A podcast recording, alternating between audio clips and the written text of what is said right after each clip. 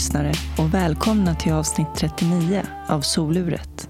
Jag heter Jasmine Nilsson och i Soluret möter jag människor från alla samhällsskikt. Jag är nyfiken på vad som formar oss till de vi är. Kan en avgörande händelse påverka eller definiera en människa? Eller är det årsringarna som formar oss? Hur påverkar miljöer och människor oss? Hur påverkas våra vägval av våra förutsättningar? Dagens intervju spelades in i Dieselverkstaden i Stockholm.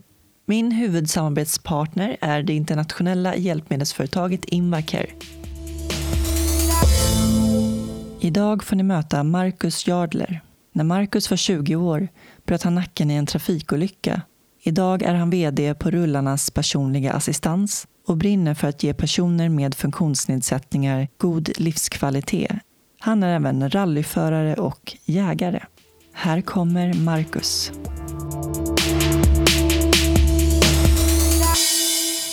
Jag låter det rulla på här så tycker jag att vi, vi kör igång helt enkelt. Jajamän.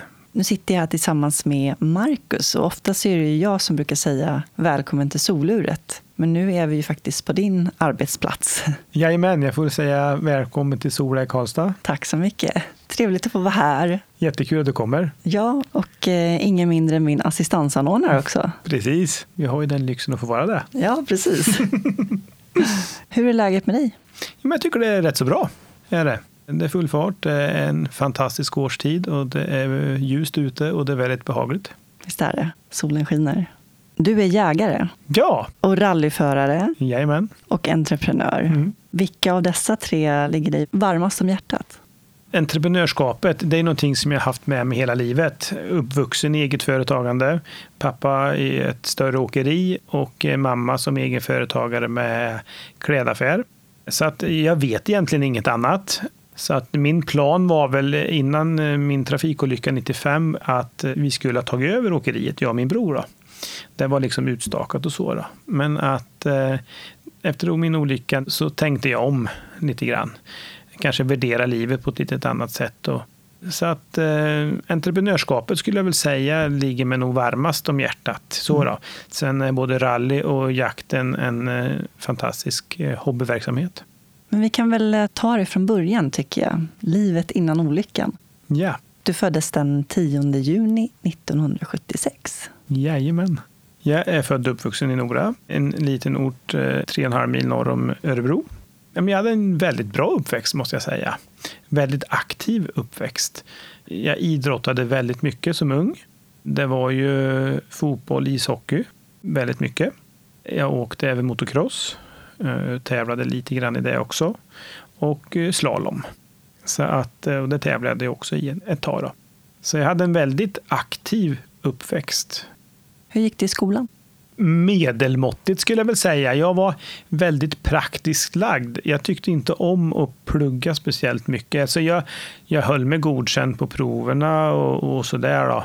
Nu var det ju 1 till 5 värdering i betygen på den tiden. Då. Så jag låg väl runt en trea. Alltså jag, jag var varken eh, bra eller dålig. Sen kan man väl ångra sig lite idag, kanske att man inte läste mer språk och sådana här saker som man känner att som vuxen skulle ha hjälp av. Dem. Men jag var väldigt praktiskt inriktad.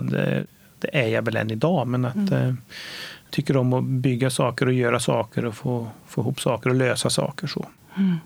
Men så efter gymnasiet? Mm. Allting var väldigt utstakat för mig för att eh, jag gick eh, transportgymnasiet jag hade min eh, pappa som hade ett större åkeri. Jag tyckte om att köra lastbil. Jag var ju väldigt motorintresserad. Så att ehm, det var rätt så klart att jag skulle jobba där. Och jag hade ju jobb där hela tiden. Jag hade ju jobb under tiden jag gick i skolan. Så jag kunde jobba när jag ville. Och min bror var också väldigt intresserad. Så att, ja, men, eh, den inriktningen var det. Och brorsan hade gått det gymnasiet innan. Han är tre år äldre då. Så att eh, transportgymnasiet och sen eh, jag jobbade under skolan och jobb direkt när jag hade slutat skolan. Det var liksom klart. Och sen skulle vi ta över åkeriet när pappa var pensionär. Det var liksom, så hade vi tänkt oss. Är du en målinriktad person? Ja, jag gillar att ha mål att jobba efter. Men jag är inte sämre ibland att jag kan ändra mig heller. mm. Jag har nog blivit mer av det nu tror jag. Att, jag. att jag väljer att göra saker som man kanske mår bra av. och sånt. Jag pressar mig nog inte så hårt längre. Nej.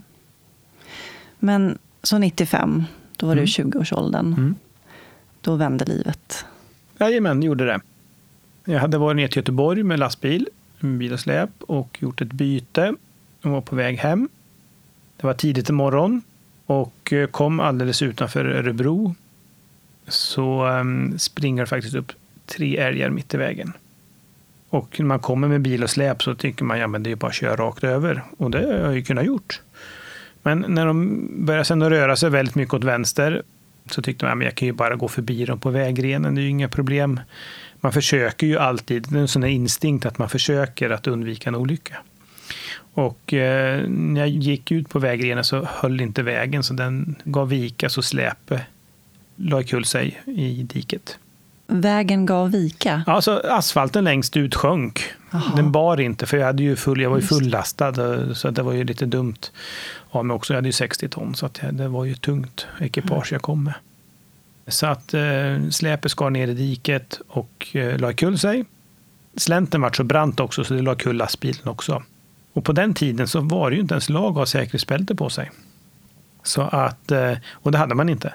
Det klämde ju och det var, man hade ju alla ursäkter för att man inte skulle ha. Och sen eh, i 20 års ålder så är man ju odödlig också. Och när lastbilen la kull så också så klarade jag inte av att sitta kvar så jag får ut genom rutan framåt och bröt nacken.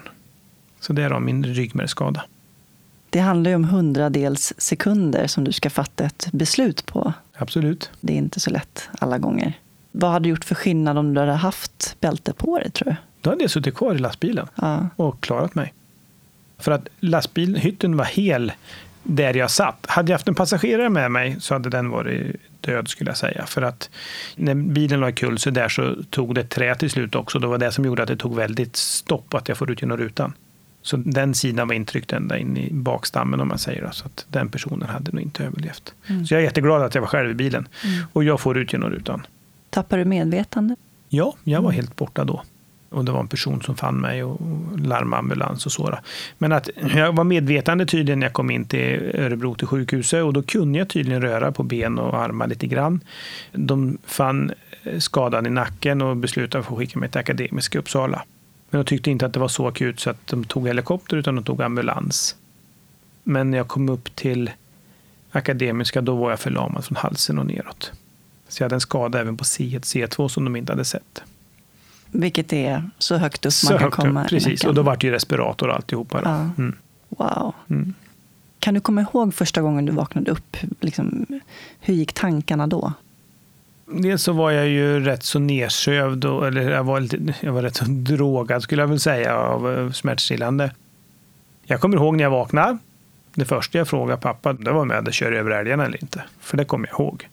Så jag kommer ihåg ögonblicket, eh, olyckan och alltihopa. Det är det första du tänker på djuren. Ja, ja men det var så här, körde jag på dem. Ja, det, var, det, det var väl det sista som hände när jag Ja. körde, så att det var väl Ja. ja. konstigt. Då. Sen vart man väl liksom lite eh, ledsen och bekymrad. Man fattar nog inte. Sen tog det ett tag innan det sjönk in. Jag hade rätt så ont. Jag låg på en sån här bräda som de vände mig ett par gånger i varannan timme och så där. Jag hade mycket smärtor ifrån nacken. Men sen, jag var ju faktiskt totalförlamad från Ja, halsen och neråt i Ja. tre månader. Så att eh, det, det, var, det var tufft den tiden, det var det. Vad tänker man om det liksom, när man ligger där och är helt förlamad? Mm. När man inte ens kan klia sig i huvudet, då är det rätt jobbigt. Eh, det är det ju faktiskt. Och man är ju, då är det ju rätt så nattsvart. Jag tappade väl aldrig humöret överhuvudtaget. För det vet jag de sa till både mamma och pappa att bara så ni vet när jag vaknar nu så är det första att jag kan be er dra åt helvete för att, att man, man får dels en chock och sen att man blir frustrerad över situationen. Men jag vart aldrig det. Utan att jag tänkte mig, ja, ja nu får jag väl göra det bästa av det här. Men att eh, jag gjorde tre operationer. För de fick ta ben från höften och laga nacken med för det var så trasigt. Och sen fick det läka ihop lite grann. Och sen vet jag den sista operationen, då skulle de försöka få det så rakt som möjligt och skruva fast det. Och när de gjorde det och kunde skruva ordentligt så fanns det fortfarande nerver som var hela. Men de låg i kläng av svullnaden. Och då gjorde det att mina armar och sånt kom tillbaka. Så jag fick genomslag. Då. Så jag, jag är en sån där inkomplett tetraplegiker som man kan säga. Då. Jag har brutit nacken men att eh, jag har genomslag så jag kan röra armarna och jag har lite i benen. Mm. Ja, så var det ju för mig också. Jag var helt förlamad först. Om man ska förklara det lite kort så, som du sa, där, så blir den svullnad på ryggmärgen. Det tar ungefär tre månader innan svullnaden går ner och under den tiden så får man successivt mer funktion beroende på vilken nivå ryggmärgen har gått av. Mm. Och när det kom tillbaka, då kunde jag nästan inte vara ledsen längre kände jag, för då vart jag så glad för det jag, det jag fick. Det minsta lilla, det minsta som, kom lilla som kom vart man bara glad för. Sen vart det bättre och bättre. Mm. Och, och, det gjorde att jag vart väldigt positivt inställd. För jag kan ju det här. Jag var ju sämre förut. Det kunde ha varit värre. Så att jag har liksom aldrig varit bitter för det. För jag vet att det kunde ha varit mycket värre. Mm. Så jag är rätt så... Nej, men jag, jag känner mig lyckligt lottad mm. fast jag är rullstolsburen. Ja, och jag tror att det är svårt för andra att förstå, men vi som har en ryggmärgsskada, vi vet att det handlar om millimeter, alltså beroende på hur mycket funktion man får ha kvar. Det är ju så. Ja, så jag, jag tänker lite likadant, att jag hade lika gärna kunnat varit helt förlamad eller varit beroende av respirator och inte kunnat andas själv och bara det. Va? Det var ju jag de första tre veckorna. Helt utelämnad i respirator och alltihopa. Jag var livrädd när de skulle ta respiratorn, men jag trodde inte ja. att jag kunde använda, andas själv. Jag var helt jag säker på att nu dör jag. så att allting var ju liksom, allting vart ju bara bättre med tiden som gick. Men visst, ehm, det var ju en lång, det är en lång resa man gör. Det är ju det. Och jag känner verkligen igen det där med respiratorn just gud vad läskigt det var första gången mm. när de skulle dra ut kanylen. Mm. För man har ju som kanyl i halsen som då respiratorn kopplar till. Och det var ju ändå ens livlina kan man säga. Mm. Som höll en vid liv. Ja. Som andades åt en. Jajamän. Och sen blev jag med den. Herregud, mm. hur ska det gå? Ja. Och de sa så här, men vi ser att du andas på mig. Men det känner man ju inte för apparaten hjälper en ju hela tiden. Ja. Så det kände man ju inte själv. Nej. Jag hade ingen aning om att jag kunde andas en gång. Nej, precis. Och det här med att inte kunna prata. Nej, precis. Det var ju en frustration. Det var ju det. Man, ja. eh, absolut. Jag lät väldigt mycket som kalanka. Ja. ja. Ingen kraft i rösten ja. alls, liksom, utan det var väldigt skraltigt. Och sen när man då blev av med respiratorn och skulle börja prata igen. Min mm, brorsa sa att jag lät som typ Musse Pigg. Ja, ja, precis. Det, det är ju så. Och då var man lite orolig. Kommer man låta som sig själv igen eller kommer man alltid låta så här? Precis. Det var först sen när man kom igång och allting hade fått läkt och man fick röra och träna på sig så man fick lite kraft i lungorna. Mm. Jag måste bara fråga om den här äh, brädan som man vände upp och ner på. Mm. Varför mm. gör man det? Ja, men det är väl också för att, äh, att det ska belasta från olika håll eftersom jag hade skadat nacken. Jag vet inte om de, jag tvivlar på att de gör det idag. Jag är faktiskt väldigt osäker på det. Jag tror inte det. Jag tror, inte jag tror det utvecklas äh, så det finns ju en del som har sån här Haltenex, en stor stålställning som de har med, som man skruvar in i huvudet och så. Och jag tror det är för att, att man ska ändra tryckbelastningen hela tiden. Så att läkprocessen ska bli så jämn som möjligt. De går ju alltså, öppnar ju upp höften. Höftbenen har man ju överflödigt ben, så där hugger de ju den. Jag såg en benbit eh, som de slipar till, placerar in i nacken. Men när det är så trasigt som det är så kan de inte skruva, utan då fick de ta tråd och naja ihop och sen ska det gå några månader så att det blir brosk för att sätta de ska kunna arbeta med att kunna skruva hit. Mm. Så det är ju liksom ett hantverk. Ja, det är det verkligen. Och hur man kommer på det från början, ja men vi tar lite ben från höften här, det blir bra. Precis. Ja. Ja, ja, det är fascinerande, man får lära sig mycket under resans gång. Verkligen. Man får verkligen lära sig att känna sin kropp när man mm. åker, råkar ut för en skada. Ja. Dina anhöriga, det är så mycket fokus på de skadade hela tiden så att man tänker inte på att det finns fler vars liv har förändrats totalt. Fick de något stöd? Skulle man nästan behöva fråga dem? Mm. Nej, jag tror inte att de fick speciellt mycket stöd, utan det var nog i varandra mer, tror jag. Mm. Det var nog ingen som satt sig ner något större och pratade med dem, förutom kanske läkaren eller kuratorn vid akut. Och sen att de var med under min tid där också. då mamma och pappa växeldrog lite grann. Sen hade jag en faster också som var uppe väldigt mycket. Och sen brorsan och anhöriga kom ju och hälsade på. Och kompisar kom jättemycket. När gick det in? När förstod du hur svårt skadad du var? Och att det var för livet? Ja, det... Jag förstod nog rätt så omgående att det här var ett stort problem. Men sen sa de ju alltid att det måste gå liksom ett par år innan. Det går aldrig att säga att du kommer att sitta i rullstol hela ditt liv och det här. Att, att man hade en ryggmärgsskada, det sa de ju tidigt och så då. Men att, att, att det sjönk in, det gjorde det nog rätt så långt senare. Men att att, eh, jag vet inte, jag hade aldrig någon varken panik eller frustration. Det var väl den första tiden där som man grät en del. Så då. Men sen när man vart lite bättre så vart det bara fokus på det, att man ville bli bättre. Och då vill man bli så bra som möjligt och börja träna och alltihopa. Så jag hade nog ingen jättesorg sen. Det hade jag faktiskt inte. Utan jag var bara glad att jag vart bättre. Jag är nog lite så som person också. Ja, nu är det så här, nu gör vi det bästa av det. lite så funkar jag tror jag. Vad tänkte du om framtiden då? Först så tänkte jag att ja, men det här med att köra lastbil och allting, det går inte. Men då träffade jag faktiskt på Claes Hulting som var enormt drivande. Och så fick han ju se att jag hade kört lastbil och alltihopa. Jag ska säga att eh, han är läkare och lever själv med en ryggmärgsskada. Precis. Lite senare efter sjukhusvistelsen så gjorde jag en rehabilitering på Frösunda som idag är Rehab Station Stockholm. Det var där jag kom i kontakt med Claes Hulting för då var han och Rickard läkare där, Rickard Levi.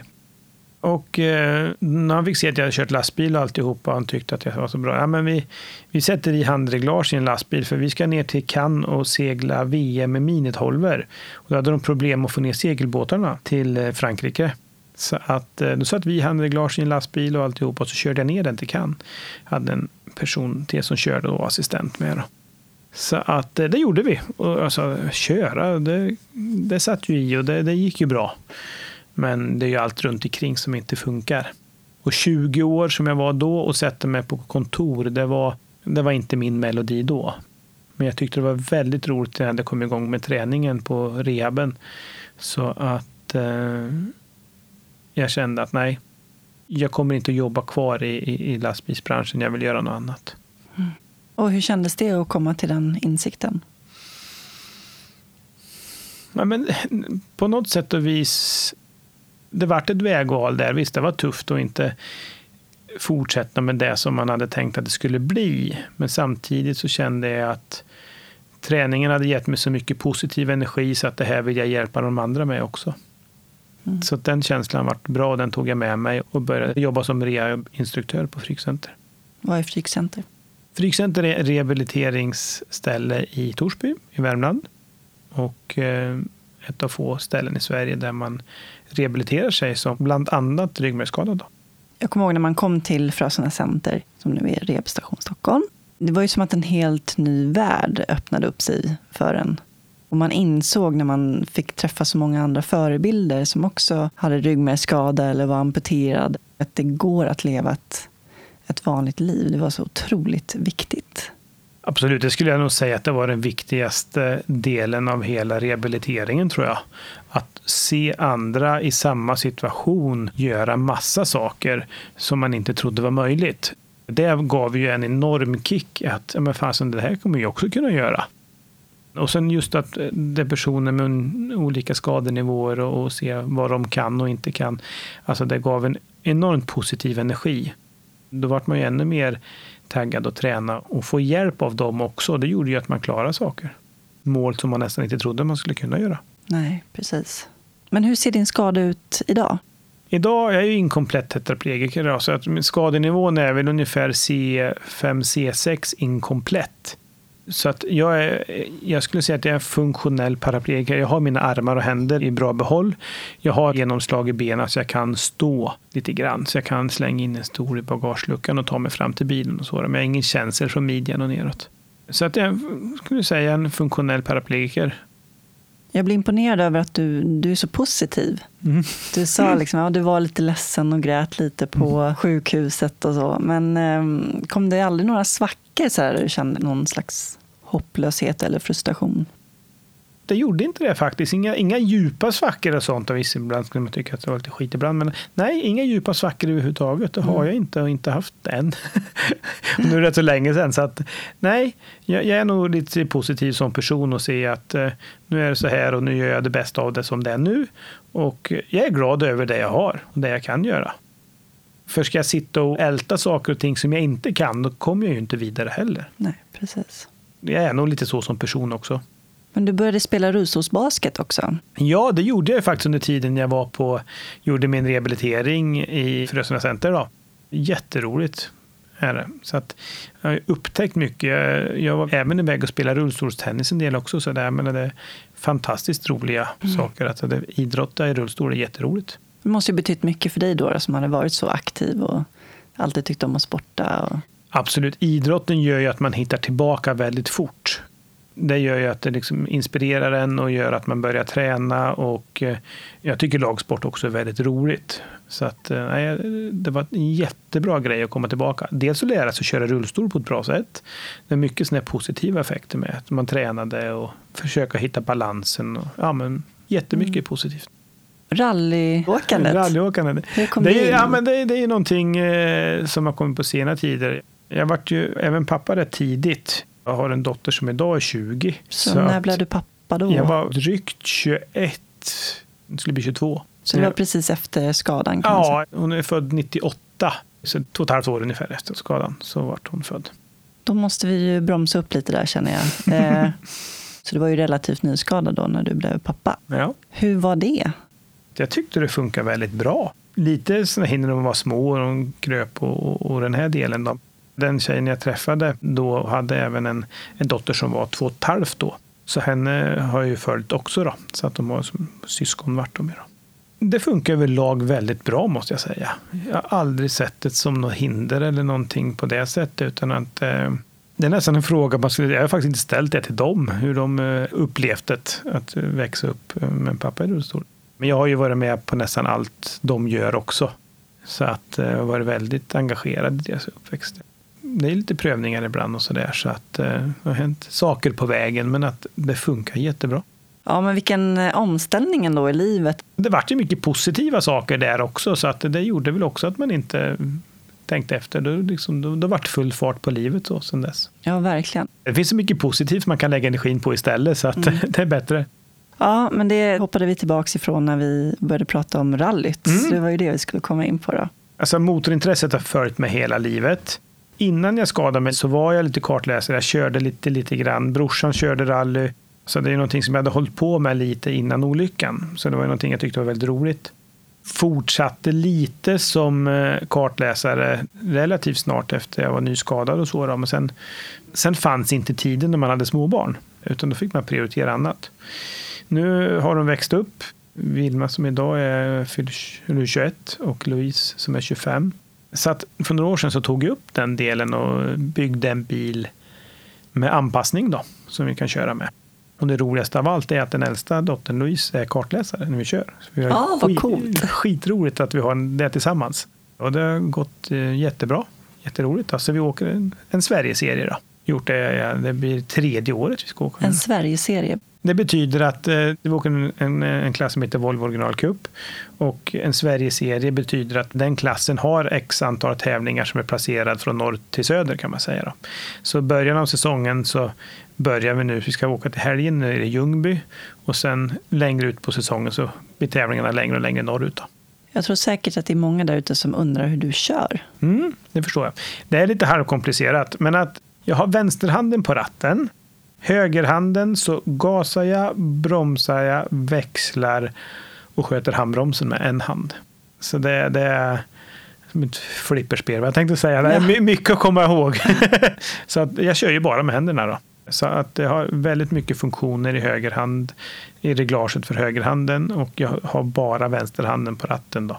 Vilket är lite negativt när det går väldigt fort då, men att det, det funkar. Och vad är väldigt fort? Nej, men alltså, det, det, vi åker ju i skogen. Eh, det är ju grusvägar, men det går ju 180-190 mm. så där ibland. När det är rakt och kurvigt och sådär. Så att, mm. Men snitthastigheten kanske, ja, att man ligger 120-130 väldigt mycket. Men det svänger ju väldigt mycket också. Mm. Häftigt. Mm, det är skitroligt. Ja, det, det är ju en kick när man ålder med sig. Man åker ändå med en viss begränsning. Då. Mm. Vi har rullat en gång och så, det lärde vi oss av mycket arbete blir det. Men att återställa bilen och så, det gick ju väldigt bra med oss. Man sitter ju väldigt säkert. Då. Men att eh, nej, men vi försöker åka nu eh, så att vi har den marginalen att vi håller oss på vägen. Men det är nära ibland, absolut. Du om någon vet ju konsekvenserna också om man inte är försiktig. Man vet ju det, så att man ja. tänker efter lite bättre nu.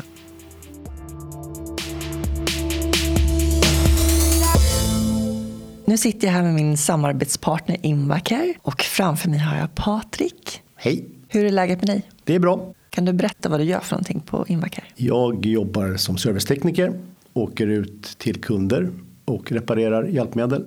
Vad är det bästa med ditt jobb? Brukarna, eller användarna av de grejer vi har. Man blir uppskattad för det jobb man gör. Ofta så kan man ju hjälpa någon som har det väldigt svårt när inte grejerna fungerar. Jag tänker lite som att du är länken till Inmacare. Den som går ut och, och hjälper till när mm. hjälpmedel går sönder. Och... Ja. Ja men så är det Alltså det är ju så. Vi säljer ju rätt mycket olika hjälpmedel så det blir ju det att då får man ju hoppa in där det behövs och sen då hjälpa dem då som sitter trångt till. Det är ju så att hjälpmedel det är bra så länge det funkar. När det inte funkar då är det ju inget bra alls. Vad har du för erfarenhet eh, sen innan? Kört färdtjänstbuss i åtta år. Jag har jobbat på hjälpmedelscentral så att jag har väl hållit på med, med det här gebitet i många år. Sen har jag en dotter som sitter i rullstol också. Så då vet du vad du snackar om? Eh, lite då. Jo, men så är det absolut. Hur ser du att hjälpmedelsbranschen har påverkats av neddragningen av personlig assistans? Det märks så tillvida att ja, de är mer beroende av hjälpmedlen nu än innan. Även om ett hjälpmedel kanske inte kan fylla hela, eller det fyller inte funktionen emellan. Jag menar, hjälpmedlet är väl en bit, den biten kanske du ändå behöver ha.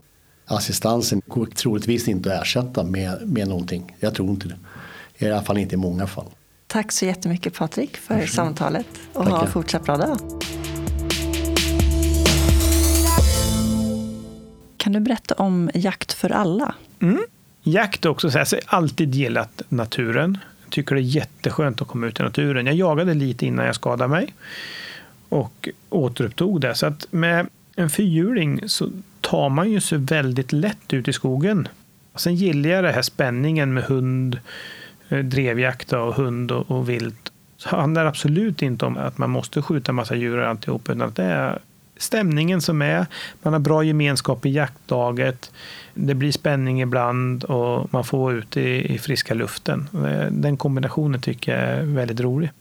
Så att eh, jag och en som heter Rickard Södergren som bor utanför Örebro, tror det är 12 år sedan som vi startade upp Jakt för alla.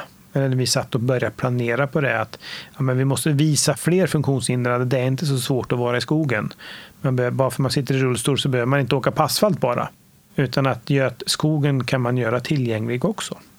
Så det heter Jakt för alla tillgänglighet. Och eh, vi fick med oss Jägarförbundet lite grann, så vi gjorde ett projekt och eh, började ordna jakter ifrån Malmö till Kalix i stort sett. Så att man kan delta vart man än bor och så i olika jakter.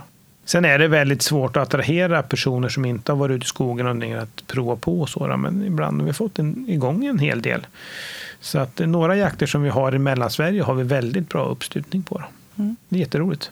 Men det måste vara en utmaning ändå. Hur löser man alla hinder på vägen? Ja, men det är så. Och ett funktionshinder är ju inte likt ett annat funktionshinder. Så att det gäller ju att hitta någonting som funkar för den personen. En del kanske är lite begränsade i, sin, i sitt sätt att hantera eller skjuta och såra. Då får man ut efter det anpassa det, där man passet man sitter på så att det funkar så bra som möjligt. Sen behöver man inte vara jägaren själv. Har man ett, ett större funktionshinder och inte kan hålla ett gevär och inte kan skjuta så kan man få sitta bredvid en jägare som, men man får vara med och få upplevelsen. Så att det finns många varianter på hur mm. man kan göra det. Jag är ju född vegetarian. Mm.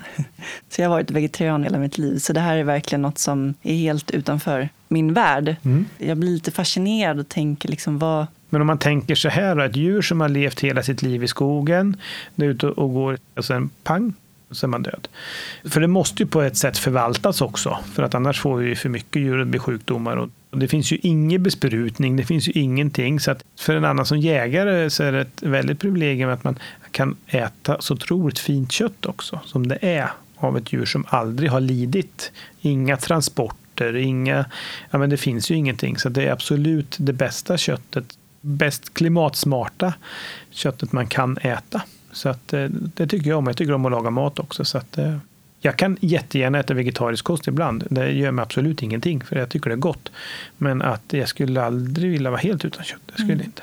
Nej, men det är intressant att få höra mm. andras perspektiv. Ja, det just jakten, det är inte bara att man ska gå ut och skjuta djur. Det är, det är inte det det handlar om, utan det är, det är så mycket runt omkring. Kan du berätta vad du gör för någonting här på Rullarnas? Jajamän. Jag sitter ju som vd på Rullarnas, men eh, jobbar även också som eh, brukaransvarig. Då, så att jag har ju ett antal uppdrag som jag sköter. Och eh, sen försöker jag också ha ordning på stötta alla andra, alla medarbetare, hjälpa dem. Jag har ett ansvar för alla. Administrativ personal också då. Så att eh, man försöker väl kombinera upp det samtidigt som man ska försöka utveckla och hålla ordning på omvärldsanalysen och ha koll på väldigt mycket koll på assistansen, för det händer ju mycket. Mm. Ja, det är ett viktigt jobb du gör. Ja, men det är det. Det är väldigt intressant och väldigt roligt jobb. Eh, jag är rätt så aktiv både i KFOs branschorganisation och IFA sitter jag med. Så att eh, politiskt arbete och en politisk påverkan som också är väldigt viktig. Många har ju en bild av personlig assistans utifrån vad som visas i media. Hur har det påverkat eh, er som verksamhet? Alltså, det som har påverkat verksamheten sista tiden det är ju en del negativa domar som kom upp i Högsta förvaltningsdomstolen som de håller på att rätta till. Backar vi ytterligare lite grann så var det ju den här tråkiga fuskdebatten som fick väldigt stor plats i media.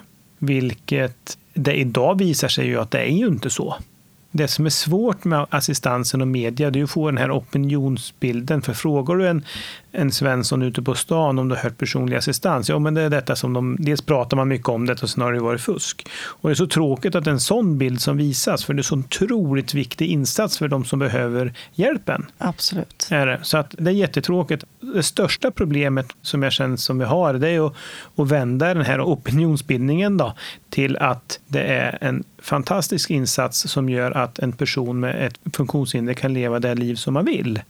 Och det tror jag gemene man har svårt att förstå, att det är en sån viktig insats. Livsviktig. Absolut. Och livsviktigt är ju verkligen den benämningen, för en del har ju en andning som hjälp i sin vardag. Utan det så, så dör man ju. Så att den är livsviktig. Och för många andra så kanske man inte kommer utanför hemmet om man inte har den här hjälpen. Nej, verkligen man får inte den valfriheten som en person som inte har ett funktionshinder har. Och det, det blir ju väldigt påtagligt när man sitter där själv och, och sen ser man att men de plockar bort timmar. Och vad betyder det? Jo, men det betyder att jag, jag kan inte gå ut när jag vill, jag kan inte göra vad jag vill, utan jag måste kanske strukturera upp min dag på en kortare tid. Och det påverkar verkligen.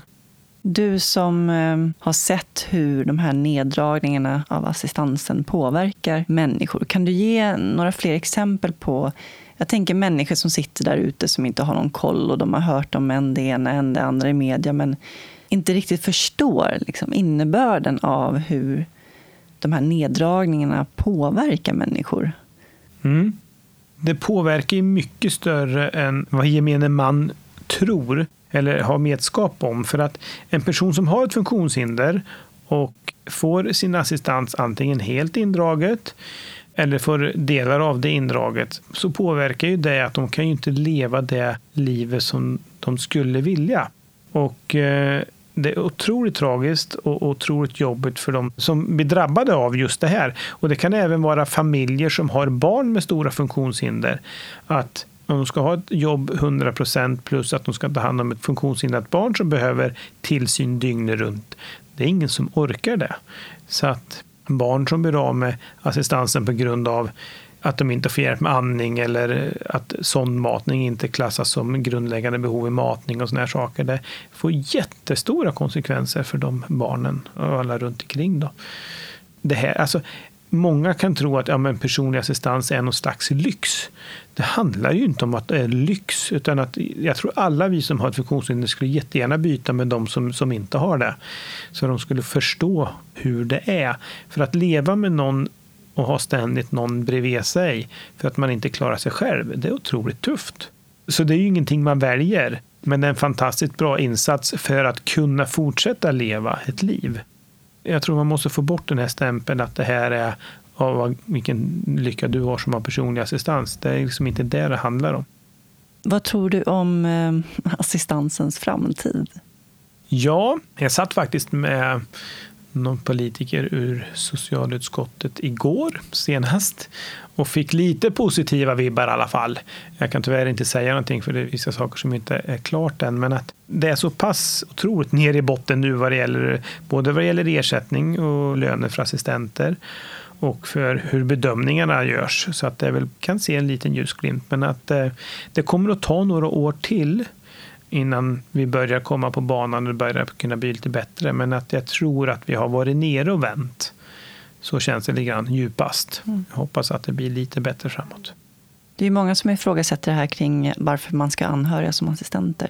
Samtidigt som jag tänker att det är väl det mest naturliga som finns, att ens anhöriga finns där och kan hjälpa en att leva ett bra liv. Ja, absolut. Och det, det, är lite som jag går tillbaka till, att vi, man väljer ju inte att få ett funktionshinder, utan det kan ju bero på en olycka eller sjukdom eller vad det än är. Och att man då sen inte ska få välja vem som man vill ha närmast intill sig, det tycker jag är ett otroligt nederlag ifrån de som kommer på en sån här otroligt dum idé. Sen ligger det lite fakta bakom det att alltså vi som vuxen kan ju välja och säga från och så här. Då. Men har du en person med kanske ett psykiskt handikapp eller ett barn så har det någon gång funnits en förälder som kanske har utnyttjat att de tar inte in externa assistenter utan de bara kör på själva. Men det styrs idag via arbetstidslagar och alltihopa så att det problemet ser jag inte längre som ett sådant problem. Utan det är viktigare att den som har assistans har möjlighet att välja vem man vill ha. Och anhöriga är väl den absolut mest naturliga Sen gör många ett aktivt val att inte ha anhöriga, men det, det ska ligga på den, den som har insatsen och inte på politiker att bestämma. Du jobbar ju mycket med att ge andra bra livskvalitet. Mm. Men vad är livskvalitet för dig? Livskvaliteten för mig, det är väl att jag har ett val att kunna göra de valen som jag vill göra. Att jag kan bestämma över mig själv. Det tycker jag är stor livskvalitet jag känner också att jag har ingenting som jag måste bevisa för någon eller någon annan, utan jag gör det jag mår bra av. Då mår jag bra också. Mm. Det är livskvalitet för mig. Hur lever du ditt liv idag? Jag har flyttat ner till Karlstad. Jag har träffat en ny tjej som jag trivs fantastiskt bra med. Den yngsta dottern pluggar uppe i Östersund och Louise, min bonusdotter, bor i Torsby i eget hus en stor grej när jag gjorde den flytten från Torsby till Karlstad här för i vintras var det som jag flyttade ner, så rätt så nyligen. Så att eh, nu mår jag jättebra. Härligt. Mm. Jag tänkte komma in på mina standardfrågor. Känner du dig redo? Jajamän. Vad innebär det för dig att vara människa? Oj. Att vara människa? Ja, men det är väl, man ställs för olika val i livet. Och att vara människa så känner jag att jag har ett val att kunna välja saker och ting som jag mår bra av och jag kan försöka hjälpa andra att må bra också. Så att vara människa är väl att ta hand om sig själv och sen försöka göra så bra som möjligt för de nära och kära runt omkring en också, de man brinner för. Vad betyder frihet för dig? Frihet, det, som jag sa, att det är att kunna göra mina egna val. Att jag kan ta egna beslut som jag mår bra av. Det är en fantastisk frihet för mig. När grät du senast? Jag tror det var höstas här någon gång som jag grät senast. Oj, det var länge sedan. Ja, det, det, jag, jag, gråter inte så där jättelätt. Det ska rätt så mycket till. Jag var fantastiskt ledsen här, men nu är det två år sedan min pappa gick bort. Då, då var jag otroligt ledsen och så. Men annars, jag gråter inte så där jättelätt. Mm. Så där då. Eh, jag kan gråta om jag ser på en film och så också. Om det är så då. Nu har det varit hektiskt ett tag så jag har inte sett så mycket filmer. Men att, att jag kan bli ledsen för saker och ting. Men mm. att, ja, jag gråter inte så jättelätt. Men absolut kan jag gråta. Det är tufft att förlora en förälder. Det är jättetufft. Mm. Jag trodde absolut Man ska aldrig ta någonting för givet. Absolut inte. Var det väntat? Både ja och nej. Jag tyckte han var alldeles för ung, för han var bara 72 år. Men han har levt ett hårt liv. Jag ska inte säga inte på det sättet, utan han har jobbat otroligt mycket. Aldrig rökt, aldrig druckit något större, så inte så. Men inte tagit hand om sig på det sättet, utan han har jobbat alldeles för mycket, skulle jag säga. Inte tänkt så mycket på motion och sömn. Det vart en stroke och sen orkade inte hjärta mer. Nej. Mm. Så det, var en, det vart en naturlig död på det sättet, då, men det var otroligt jobbig tid. Han stod mig väldigt nära. Mm. Jag förstår. Vad gör dig arg? Alltså, jag kan bli väldigt arg på personer som dömer andra och dömer folk på grund av okunskap. Eller har kanske en rasistisk syn som jag tror beror mycket på okunskap och sånt där. Det kan göra mig väldigt arg. Vad gör dig lycklig? Men lycklig blir jag ju att jag är frisk, att jag har barna, om en tjej som jag träffar blir jag fantastiskt lycklig av. Så att eh, de nära och kära runt omkring gör mig väldigt lycklig. Vad drömmer du om? Att jag ska få fortsätta leva ett liv som frisk. Att jag ska kunna få ha en valmöjlighet att fortsätta leva livet. Man behöver inte sitta och vara bitter över det man inte kan, utan ta vara på det du kan och gör det bästa av det. Då. Sitt inte och gräv ner dig för någonting som du inte kan. För vissa saker kommer inte tillbaka och då får man utgå från det man har. Och det kan vara en fördel i den situationen när man hjälper andra personer med funktionsnedsättningar, att man har ett funktionshinder själv och har gått igenom den här resan själv också, då har man lättare att förstå hur de tänker och man kan förklara för dem på så bra sätt som mm. möjligt också vad man mm. har möjlighet till att göra. Men alla har alltid ett eget val. Det går inte att sitta och vara bitter över andra eller vad andra gör, utan man har alltid ett val att göra själv. Mm. Jag har några antingen eller-frågor här också. Kaffe eller te? Kaffe. Bok eller film? Utomlands bok, hemma i soffan film. Kött eller grönsaker? Kött. Såklart. Planering eller spontanitet? På jobbet vill jag planera, privat spontan. Se eller höra? Åh, oh, vad svårt. Se. Ljus eller mörker? Ljus. Fort eller långsamt? Fort. Lyssna eller prata? Oh, jag tycker om, jag skulle säga lyssna. Då kan man slappna av och lyssna. Tack så jättemycket Marcus för att du delade med dig av din livshistoria. Tack så jättemycket för att jag kom med. Marcus är verkligen ett bevis på hur långt man kan komma genom att inte älta det som man inte kan göra någonting åt, utan istället se vilka förutsättningar man faktiskt har och göra det bästa utav det. Tack till min huvudsamarbetspartner Invacare för andra året i rad bjuder Invacare in till ett av årets trevligaste möten, nämligen på Hjälpmedelsdagen den 23 september. Dagen vänder sig till branschfolk såsom förskrivare, arbetsterapeuter, fysioterapeuter, tekniker och även hjälpmedelsanvändare och deras närstående.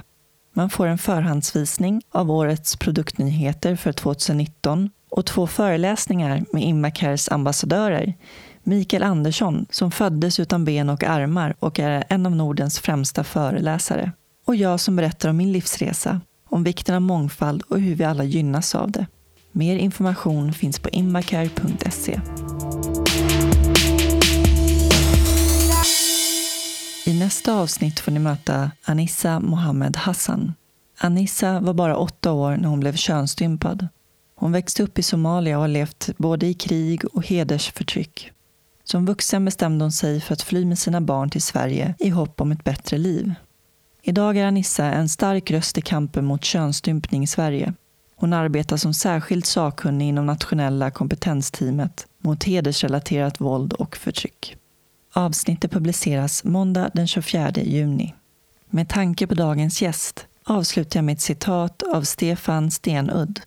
Den som förstår det rimliga kan också åstadkomma det storslagna. Tack så jättemycket för att ni lyssnade. Och ta hand om varandra där ute. Puss och kram. Hej då.